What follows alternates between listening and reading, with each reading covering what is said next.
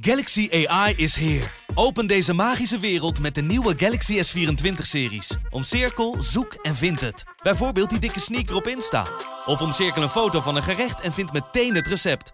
Op zoek naar wat liefde over de grens? Met ChatAssist als tolk is jouw liefde grenzeloos. Maak vlijmscherpe foto's en bewerk ze als een pro. Met Photo Assist verwijder je al het ongewenst uit je foto, zoals lelijke reflecties of je ex. Bestel de Galaxy S24-series nu op samsung.com. Dit programma wordt mede mogelijk gemaakt door Toto.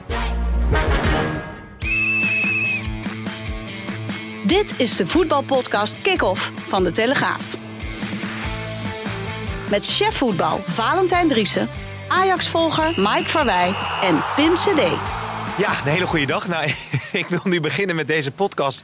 Maar er is, ik, weet niet, ik, weet niet wat ze hier aan het boren zijn. Ik weet niet of de luisteraar Wordt, dat wordt Frans. Timmermans doorgezaagd? eh? Wat zei je? wordt Frans Timmermans doorgezaagd? Van hoor. Timmermans. Nee, dat is eh, onlangs eh, gebeurd. Nou, wat een spanning hè, rondom die eh, verkiezingen. Maar jullie krijgen daar natuurlijk weinig van mee. Daar in de voorbereiding op eh, Gibraltar, Nederland. Zelden zo'n kraker gehad, jongens.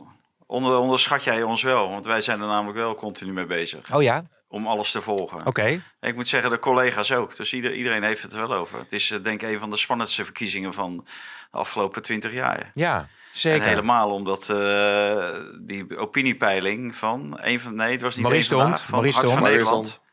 Ja, dat dat eh, natuurlijk eh, ja, geweldig veel teweeg heeft gebracht. En ja, Mike zei vanochtend terecht, er zijn landen waar opiniepeilingen tot geloof ik drie weken eh, voor de verkiezingen eh, mogelijk zijn, maar daarna niet meer. Mm. Daar kan ik me wel iets bij voorstellen als je ziet wat er nu in Nederland allemaal gebeurt. Ja, precies. Ja, want in de laatste peiling eh, is Wilders zelfs in de race om de grootste van het land te worden. Wat is trouwens het een Kan je beetje... die vent geen okkie geven van die boor?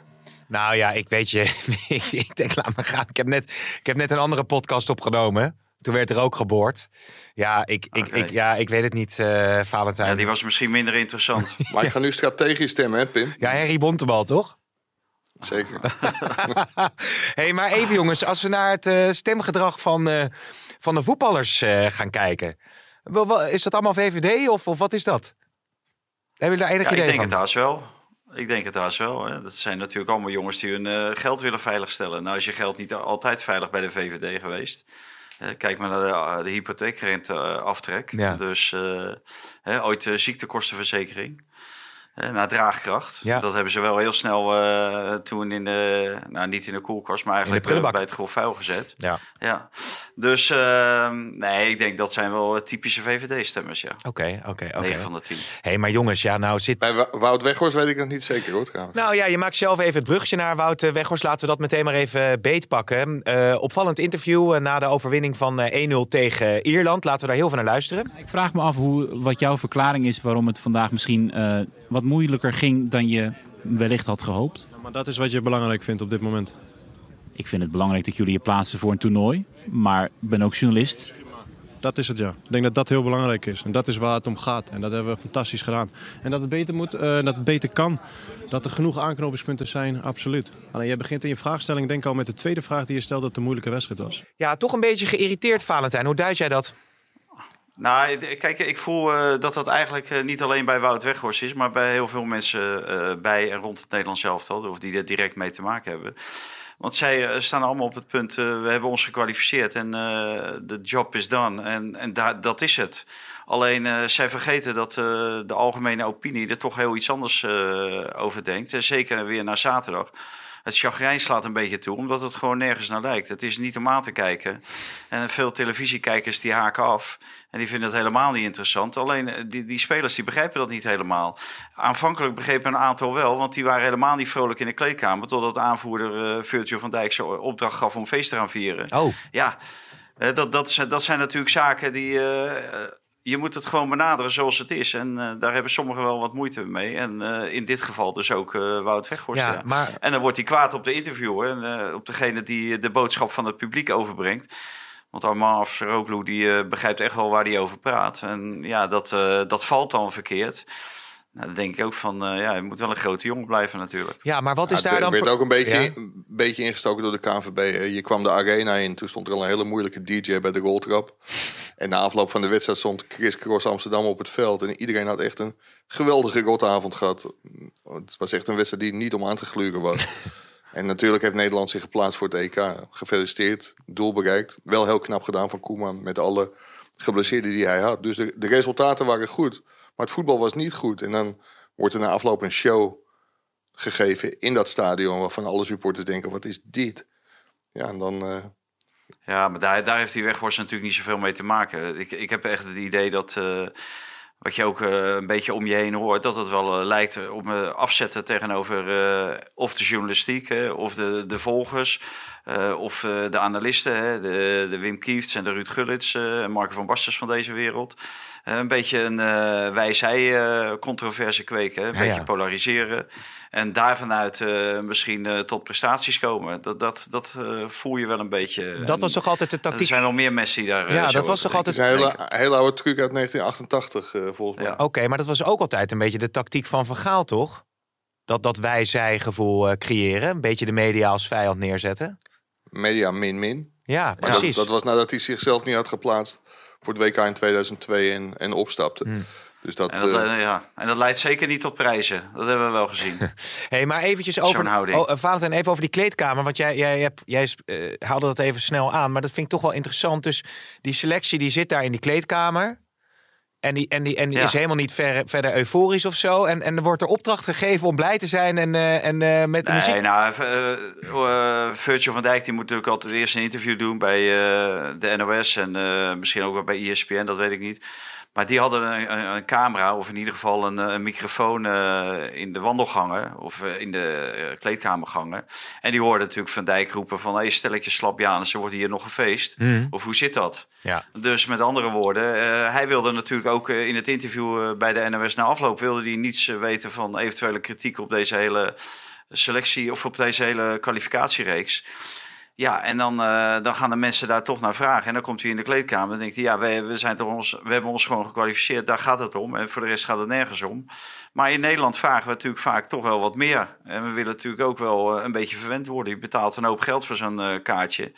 En als je dan zoiets eh, voorgeschoteld krijgt eh, als afgelopen zaterdag tegen de nummer 58 van de wereld met vijf verdedigers. En eh, op het moment dat we de bal verliezen, dan vliegen we met z'n allen terug naar de eigen helft en dan gaan we ze daar staan opwachten. Ja, dat, dat is niet gewoon, dat is gewoon niet des Nederlands. Nou, En als je met zo'n gevoel richting het EK gaat, ja, dan ga je chagrijn krijgen in, in het land. En voetballers zijn niet gek, hè, Pim? Want dat ze heel stil waren in die kleedkamer. Dat komt natuurlijk ook omdat ze zelf ook wisten dat ze het publiek niet vermaakt hadden. Dat ze wel hadden gewonnen, maar ja, punt erachter. Drie punten meenemen. Geplaatst voor het EK en voor de rest helemaal niks. Ja, Ja, dan moet je een beetje een geforceerd feestje geven. best Ja, in, in Nederland werkt het gewoon niet zo. Je ziet het ook eh, eh, wat er nu loskomt bij eh, PSV en wat er de afgelopen twee jaar loskomt bij Feyenoord. De manier waarop is gewoon voor een Nederlander belangrijk. Die wil ook vermaakt worden. Dat zit gewoon een beetje in de landsaard. Hè? Eh, daar hebben we het wel vaker over gehad, volgens mij toch, of niet, Pim? Nou ja, de vraag is of het dus wat Weghorst zegt eh, in eh, de aard van eh, de bevolking zit of in de aard van de journalist. Hij suggereert een Nee, beetje nee, dat ja, die journalisten ja, altijd wat te vol- zeggen Volgens mij hebben. ben ik er onderdeel van de, van de bevolking, Oh, ja. toch? Nou ja, Of niet? ja, Ik mag stemmen, heb ik gehoord, eh, komende woensdag. Of ik laat stemmen. ja. Ik ga een volmacht geven, dus... eh, Strategisch?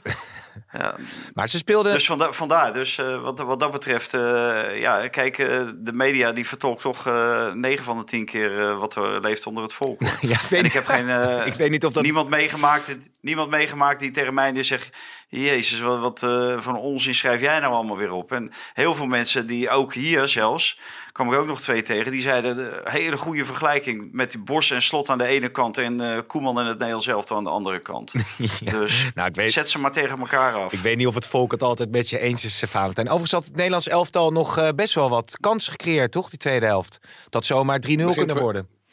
Begin tweede helft. En als die ballen erin vliegen. Ierland was zo ontzettend slecht. Dat het Ja. zomaar 3-0, 4-0, 5-0 kunnen worden. Maar wel even ter verdediging van Koeman. Hij heeft heel, sorry, heel, veel, eh, heel veel geblesseerden gehad. En ja, Frankrijk was ongenaakbaar in deze pool. En dan moet je Ierland en Griekenland achter je houden. Dat is gelukt door allebei die ploegen twee keer te verslaan. Ja. Vraag niet hoe. Dus dan, qua resultaat heeft hij het echt gewoon goed gedaan. En hij zei dat... Alleen het Ja. Nederlandse, Ne- Nederlandse volk wil meer. En die weg naar het EK is nog lang. Dus morgen moet tegen Gibraltar de eerste stap naar de EK-winst gezet worden. Het Nederlandse volk wil meer. Dat is wel... Jemig, jongens, hé. Het lijkt alsof de... Ook de alsof, politiek ja. wel in. Ook in. wel alsof de revolutie elk moment kan gaan uitbreken eh, hier op de Dam. Mijn hemel. Eh, maar goed, eh, eerst... Die, die gisteren toch bijna uit. Een revolutie in Rotterdam. Ja, ja, zo is het ook. Maar ik als, mee als je kijkt naar... ehm, eh, want Koeman wil de spelers aan het werk zien. Hè? Nou ja, Valentijn, je had het er zelf over in een persconferentie... voorafgaand aan Nederland-Ierland. Hij wil de schouten zien spelen. Die zal nog niet een Ja. onuitwisbare indruk op hem hebben gemaakt. Nee, nee, nee. Nou, ik, ik, ik heb natuurlijk vaak kritiek op Maarten de Roo, maar ik neem, bij deze neem ik alles terug.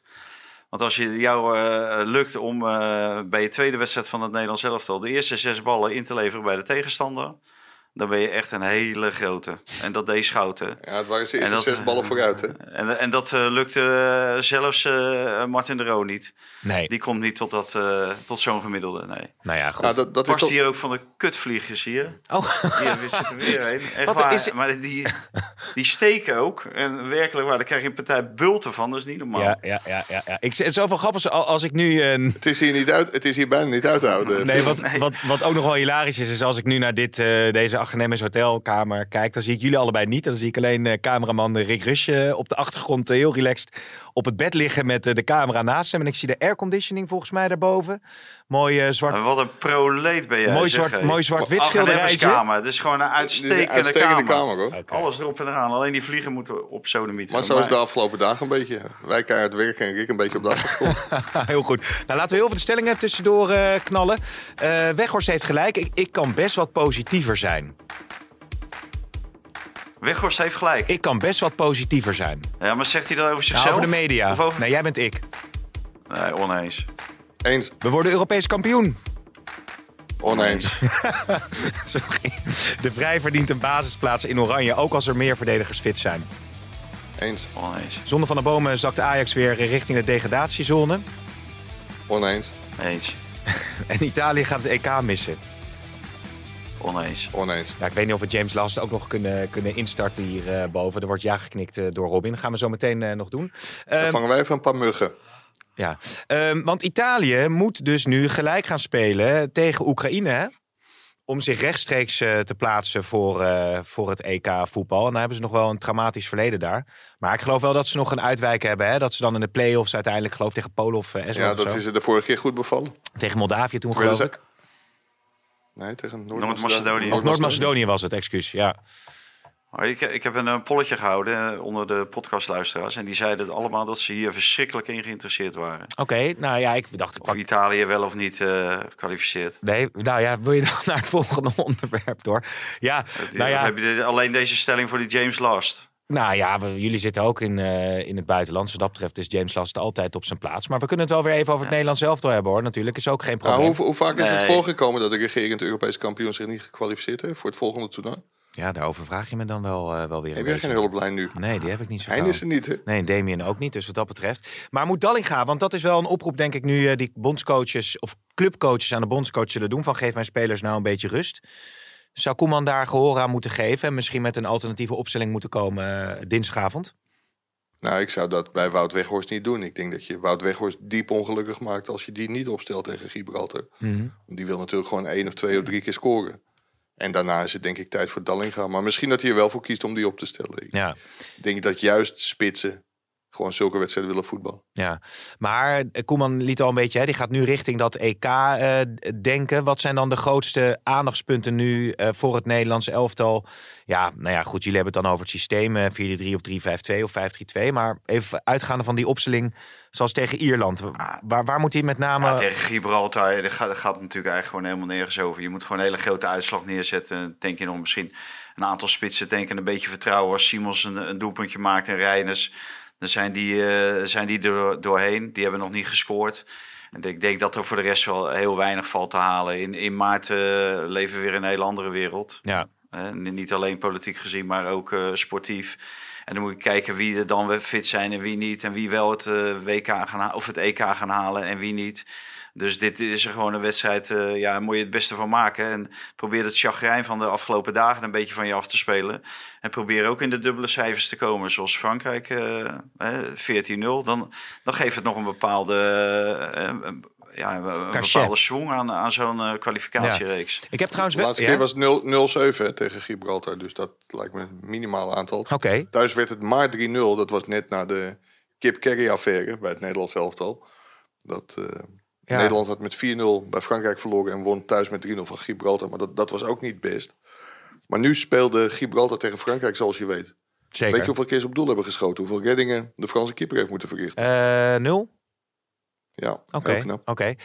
Ja, die thuiswedstrijd tegen Dus ik denk dat Verbrugge de nul houdt. Die thuiswedstrijd tegen Gibraltar was inderdaad ook niet al te hoopgevend. Even dan eh, tussendoor. Jij zegt, wat gaat het worden, Mike? 0-7. En jij, Valentijn? 0-3. Oké. Overigens, want inderdaad, Italië, ik had hem in mijn scriptje gezet, maar dat is ook niet echt heel, eh, heel spannend. Wat wel, als we toch over James Last en het buitenland eh, hebben. Eh, Chili, hè, die heeft het heel erg moeilijk in de WK-kwalificatiepool. Eh 0-0 tegen Paraguay op eigen bodem. Maar het aardige is dat er wel eens in Heb jij een hekel aan die luisteraars of Nee, zo? nee, maar dat, dat, dat, dat, die wedstrijd is afgewerkt in het Colo Colo stadion. Of in Colo Colo, in het Estadio Monumental David Alejandro. En ehm, ze douchen in de uitwerpselen. Dus de condities van, eh, van dat kleed of van dat eh, stadion zijn zo slecht. Dat ze dus, eh, nou, er waren, wat staat er? Even kijken, er waren drie douches die niet werkten. We hebben om de beurt moeten douchen. Dat ging dan weer over het trainingscentrum. Ik vroeg me af, wat zijn eigenlijk de meest erbarmelijke stadions die jullie hebben meegemaakt qua... eh, Oh, ik dacht dat je het weer over, de- over deze kamer begon. Ja. maar- maar staat jullie dan meteen iets bij dat je zegt... ja, dit stadion dat was zo, zo belabberd, joh. Nou, om eerlijk te zeggen, volg ik wel de wedstrijden, maar ga ik niet naar de douche Nee? in die stadions. Ah, Mike, nee, dus Jij, jij weet daar vast wel wat van. Eh, het Olympisch Stadion, eh, weet ik veel wat, eh, in de laatste jaren. nou, de la- dat, dat was inderdaad een pisbak, ja. Dat, eh, daar heb je helemaal gelijk in. Ja. Als je daar op een kilometer afstand, dan eh rook je de pis al. Dus eh, Ik wil het zeker niet met het stadion in Chili vergelijken. Maar Louis van Gaal die wilde op een gegeven moment niet meer in de Kuip spelen. Oh, is dat zo? Daar is natuurlijk wel, ja, zeker. Die vond, eh, vond dat ook gewoon niet meer internationale we- wedstrijden waardig. Mhm. Nou is er wel wat aan gebeurd natuurlijk. ja. Maar in Nederland hebben we prima stadions. Natuurlijk met de Arena, de Kuip, Philips Stadion. Af en toe ook nog in Enschede gespeeld. Dus Ja, maar die, die UEFA bijvoorbeeld hè, en, en de FIFA, die halen zoveel geld op tegenwoordig. En die geven dan eh, deze bonden, en ook, ook de KNVB hoor, maar ook eh, die armlastige bonden, die geven ze zoveel geld. En dat is vaak om de infrastructuur op eh, orde te brengen. Dus ze hebben, allemaal hebben ze echt wel relatief redelijke stadions. In ieder geval in Europa. In Europa kan ik me eigenlijk geen stadion voor de geest halen waarvan je denkt, hoe is het in godsnaam mogelijk dat daar gevoetbald wordt? Ja. Zelfs niet in Faeur. Al, alhoewel daar de pestribune, dat was gewoon een grote boerenkar met vijf stoelen erop. ja. En meer was het, meer was het niet. Maar eh, voor de rest ja, word je overal te, goed ontvangen in een eh, redelijke accommodatie. hoor. En volgens mij heb ik ook nog nooit eh, spelers horen klagen dat er eh, geen warme douche was. Nee. Alhoewel. Wa- Dus het- er gaat iets door mijn hoofd dat ik ooit dat de spelers wel eerst naar het hotel gingen. Eh, of dat ze na de training naar, de, naar het hotel gingen om te douchen. Maar dat dat ze in was, Oost-Europa volgens mij. Ja. Maar dat, eh, dat Estadio Algarve, daar is de wedstrijd dan. Dat is allemaal wel, eh, wel dik in orde dan. Eh, de condities zijn er volgens mij hartstikke goed. hè? stadion waar 30.000 mensen in kunnen. Maar die kaartjes zijn nog niet verkocht hoorde ik. Oké, 30.000. oké. Er nou. zijn 30 kaarten verkocht. Ik hoorde jou al in een video met Rick zeggen dat, eh, dat het eh, trainingsveld in ieder geval goed was. Je kreeg nog een bal tegen je aan eh, ja, geschoten. ja. Dat, stadion, dat stadion wordt meer dan regelmatig gebruikt. Er speelt weliswaar volgens mij geen eh, club. Maar Portugal speelt hier heel veel van een kleine interlands eh, op deze locatie. En Gibraltar heeft nu de hele kwalificatiereeks eh, afgewerkt hier. Omdat ze daar bezig zijn eh, een nieuw stadion of het stadion te moderniseren. Mhm. Dus er wordt hier regelmatig gevoetbald. Ik heb hier toevallig, nou, dat heb ik volgens mij ook in de podcast gezegd, Benfica gezien. tegen die club van Ronal- Ronaldo. Dus er wordt hier echt nog wel redelijk vaak een wedstrijdje Ja, gespeeld. nou ja, Het even, is een mooi stadion. even het... Nederland wo- won En daar maar- trouwens maar tegen eh, Zweden Oh, in de EK. 2004. ja, ja. Haalden ze de, de halve finale. Daar zouden we nu heel blij mee zijn. En toen ging eh Dick Advocaat met pek en veren. Ging niet Ja, maar dat was het EK van de beruchte wissel, toch? Van Wissel, eh Robben ja. voor Bosveld. Arjen eh, Robben. Tegen Tsjechië. Ja, de steniging van eh, Jan Mulder. Met, ja, nou inderdaad, ja. Maar toen gingen ze er ook kansloos af uiteindelijk in de, in de halve finale. Jij schreef ook zoiets in je column, hè? Van, eh, wil je nou uiteindelijk mooi voetbal zien? En dan, eh, nou, zoals onder Van Basten bij het EK in, eh, in, eh, in Zwitserland. Eh, in Oostenrijk toen ze uiteindelijk eh, verloren van Rusland, geloof ik. Ja, wel, wel onder bepaalde omstandigheden. Hè. Toen uh, Robben was toen s ochtends uh, uh, geblesseerd geraakt. Of tenminste, die uh, werd geblesseerd wakker. Vraag me niet waarom maar, en hoe. Uh, en er was natuurlijk uh, het gebeuren met het uh, overlijden van... Het kind van Boularouche. Van Ja. Ja. Ja, ja, ja. Um, overigens, als we... Maar- jij maar wou wat Pim- zeggen, Mike, ja. Ja, je vroeg net een voorspelling van ons. Maar Jij bent eh, naast een hele goede presentator van onze podcast Nou, dankjewel. ook politiek betrokken. En veel met Wouter op, eh, op stap, Wouter de Winter. Doe jij eens een prognose voor woensdag? Ja, dat is heel lastig. Want eh, het grappige is dat wij ook met de videoredactie drie ploegen hebben die we kunnen inzetten. Ehm, en er zijn vier partijen die nu strijden om de grootste te worden. Ehm, ik ga zelf naar een nieuw sociaal contract. Ik denk toch wel dat uiteindelijk misschien veel mensen geneigd zijn om op omzicht te gaan stemmen. Dus dat zou zomaar kunnen. Ehm, alhoewel je ook wel heel veel hoort dat toch de, de opzet nu van Timmermans is om, om zeg maar tegen het rechts, eh, eh, hè, tegen het rechtse blok te stemmen. Dat veel mensen toch zullen geneigd zijn om, eh, om dan maar op Timmermans eh, te stemmen. Dus ik denk Omtzigt of Timmermans. Eigenlijk. Maar goed. Dat, eh, Jij gelooft niet in Wilders? nou, ik denk dat. Maar ik, mijn verwachting is dat uiteindelijk toch veel mensen eh, op het laatste moment niet op Wilders misschien gaan stemmen. Want kijk, hij heeft nu natuurlijk zijn eh, wat uitgesprokener standpunten over eh, de islam soort van ingeslikt en even geparkeerd. Maar ik denk toch wel dat er veel mensen zullen zijn die, vermoed ik, dat niet zijn vergeten. En of die daarmee echt de grote massa aanspreekt en de grootste gaat worden, ik, ik waag het te betwijfelen. Maar ja, het zou zomaar kunnen gebeuren. Dus dat is een beetje. Spannender in ieder geval dan eh, morgen. Dat eh, sowieso. Als we het even hebben over eh, de blessuregevallen nog. Want we gaan natuurlijk na Gibraltar Nederland weer met het clubvoetbal eh, door. Nou, vrijdag zitten jullie gewoon weer in de studio. Maar Noah Lang, die heeft de training hervat. Dus dat is goed nieuws voor eh, PSV. En eh Maaike Branko van de Bomen is dus eh, langer eruit, hè? Ja, dan nam John van Schiphol een voorschot op. Hij zei van hij heeft deze blessure eerder gehad. En hij hoopt dat het met rust, rust kan genezen. Maar daar had hij al grote twijfels over. En dan zou hij onder het mes moeten. En dat is inderdaad afgelopen vrijdag gebeurd. Dus hij komt dit kalenderjaar niet meer in actie. En ik hoop voor hem dat hij, eh, dat hij in de voorbereiding op de tweede seizoenshelft wel kan aansluiten. Ja. Want ja, hoe gek het ook klinkt, hij is eh, best wel belangrijk voor dit Ajax. ja, hij was een beetje de hoop in eh, bange dagen voor John van der Ja, hij wordt nu al gemist. Ja. Hè? Kan je zien hoe, hoe diep je gezonken bent Was er, als club. Was er verder nog wat? eh, want da- vrijdag hadden we natuurlijk eh, het al over de aandeelhoudersvergadering eh, bij Ajax. Eh, we zouden daar eventueel nog maandag eh, op terugkomen in deze podcast. Zijn er nog dingen die eh, vermeldenswaardig eh, zijn? Of is het allemaal redelijk rustig eh, gelopen daar? Nou, wa- wat ik wel heel opvallend vind, en daar was best wel wat weerstand tegen binnen de bestuursraad, maar dat Michael van Praag en Leo van Wijk voor drie jaar zijn benoemd. Ja, mensen willen gewoon, en dat zou Michael van Praag ook uitspreken in die vergadering, dat hij echt voor heel korte termijn zou worden aangesteld en dat hij dan plaats zou maken voor andere commissarissen, samen met Leo van Wijk.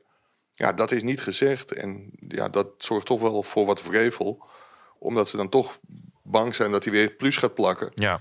En ja, iedereen hoopt toch wel dat hij voorkomende zomer plaats maakt voor een hele goede vervanger. Oké, oké. Dus daar is dan wel wat, eh wat chagrijn over bij, eh, bij een, eh, een gedeelte. Ja, dit, dit is natuurlijk een hele normale termijn. Dit is gewoon de, de termijn die ervoor staat, drie jaar.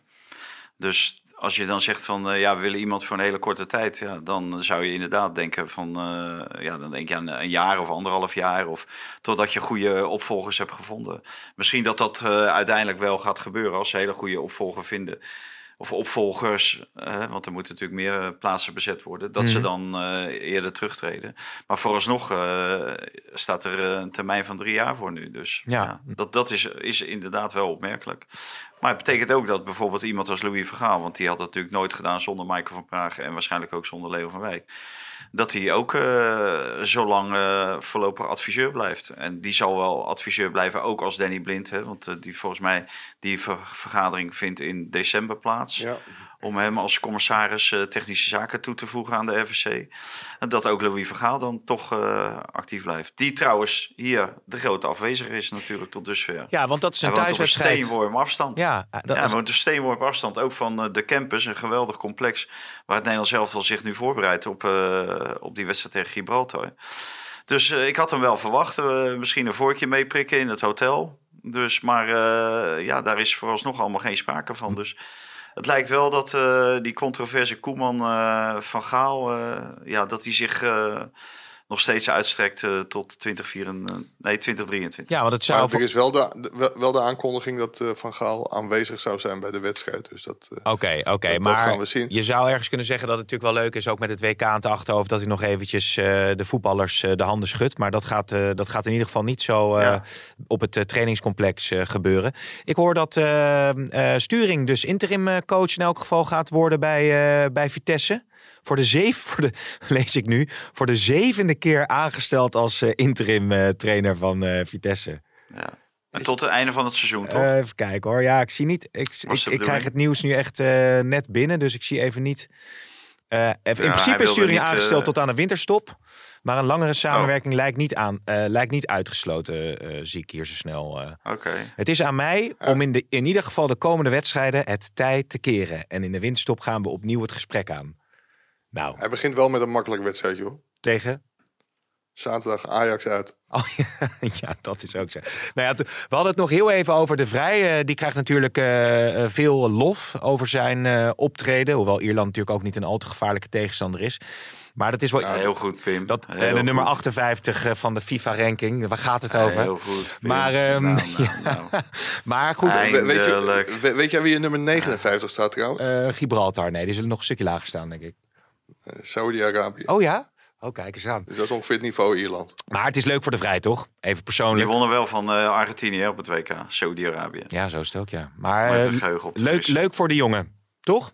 Zo is het ook weer. Ja, zeker. Zeker omdat hij de hele tijd niet gespeeld heeft. En bij Inter eh, speelt hij wel regelmatig hoor. Staat ook regelmatig in de basis. Maar is eigenlijk meer niet basisspeler dan wel basisspeler. En ja, je ziet dat hij gewoon heel veel ervaring heeft. En op heel veel eh, zaken anticipeert zeg maar in het veld. Ja. Dus ja, dat, dat zou... eh, ik, vind, ik vind het nog steeds jammer eh, dat Ajax geen poging heeft ondernomen om hem binnen te halen. Want ik denk dat hij een hele goede speler zou zijn om Jorel Hato onder zijn hoede te nemen.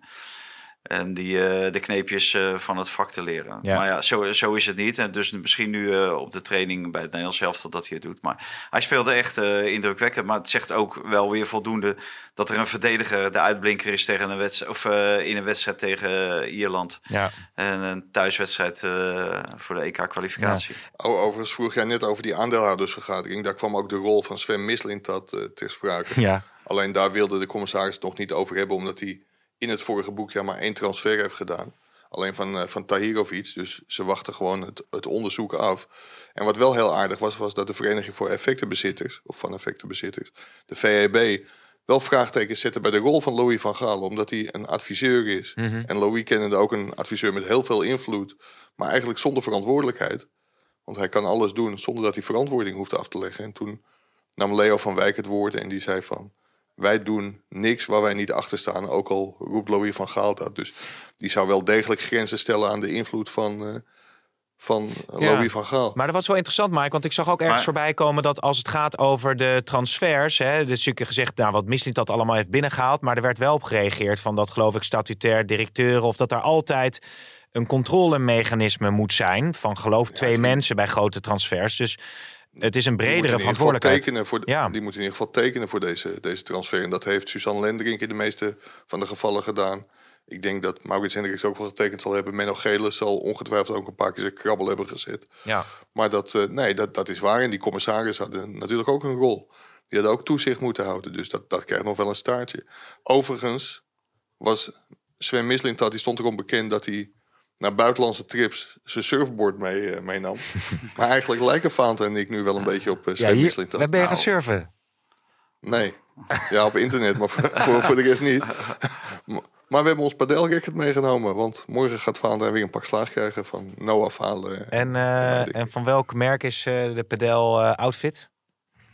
Weet ik eigenlijk niet. Outfit. Nee, van, Cav- Cavallaro. van Cavallaro heb ik Ja, nog te goed, hè? heel goed. Nou heren, ik, eh, Nee. ik wens jullie... eh, Maar ik wilde over Van Gaal wil Oh, ik ja. nog even zeggen dat. ehm, kijk, eh, een eh, raad van commissarissen kan natuurlijk gewoon iemand als adviseur aannemen. En daar heeft eh, de meneer van de Vereniging van Effectenbezitters helemaal niks over te vertellen. Waar hij wel wat over te vertellen heeft, dat- is over de commissarissen. Daar mag hij, daar mag hij zijn vraagtekens bij zetten. Want uiteraard zijn die commissarissen wel verantwoordelijk voor het beleid wat zij uitvoeren en wat zij voeren.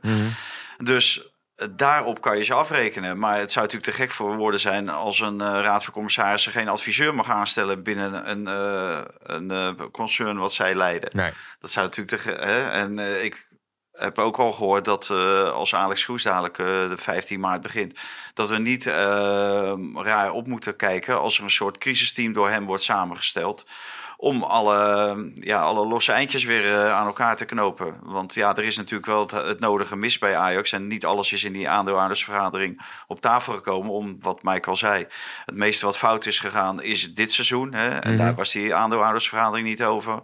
Plus dat er, we lopen nog een aantal onderzoeken. En als dat allemaal is afgerond en Alex Koes komt, eh, dan moet hij misschien eh, her en der wat puin ruimen. Nou, daar komt natuurlijk ook een bezuinigingsoperatie aan. Ja. Dus wat ik van gehoord heb, is de kans groot, of is groot dat er misschien een crisisteam. eh, eh, dan eh, Alex Kroes eh, gaat helpen om de boel weer eh, een beetje op orde te krijgen. Zodat Ajax eigenlijk met een schone lei het seizoen eh, 24-25 kan Ja, beginnen. maar Ja, wat, wat mij wel verbaasde is dat Michael van Praag zei... Hij zegt, geef alle aankopen van Mislintat de tijd. Want ook Jari Liedman en hij no- noemde nog wat voorbeelden van spelers... Ja. die bij Ajax langer nodig hadden dan een paar weken of een paar maanden... om zich te laten zien. Ja, en tussen die twaalf aankopen zit er misschien echt wel één of twee... waarvan we laten zeggen, nou ja, die kan toch wel wat. Maar dat vind ik wel heel gek hoor, dat Michael van Praag dat, eh, dat zegt. Aan de ene kant omdat hij altijd roept, ik bemoei me niet met voetbal. Dat doet hij nu toch, want hij gaat dus toch ook zeggen van... geef spelers de tijd en de kans. Maar ook, aan de andere kant, om... ja, iedereen ziet dat deze spelers het gewoon niet zijn. En in ieder geval die 115 miljoen niet waard zijn. Die, eh die Mislintat heeft uitgegeven. Dus ik mag toch echt hopen dat Michael van Praag... niet alles een beetje met de mantel der liefde gaat bedekken... en allemaal roept dat het toch niet zo erg was. Want ja, ook hij zal echt wel maatregelen moeten nemen... om dit nooit meer te laten gebeuren. Nee.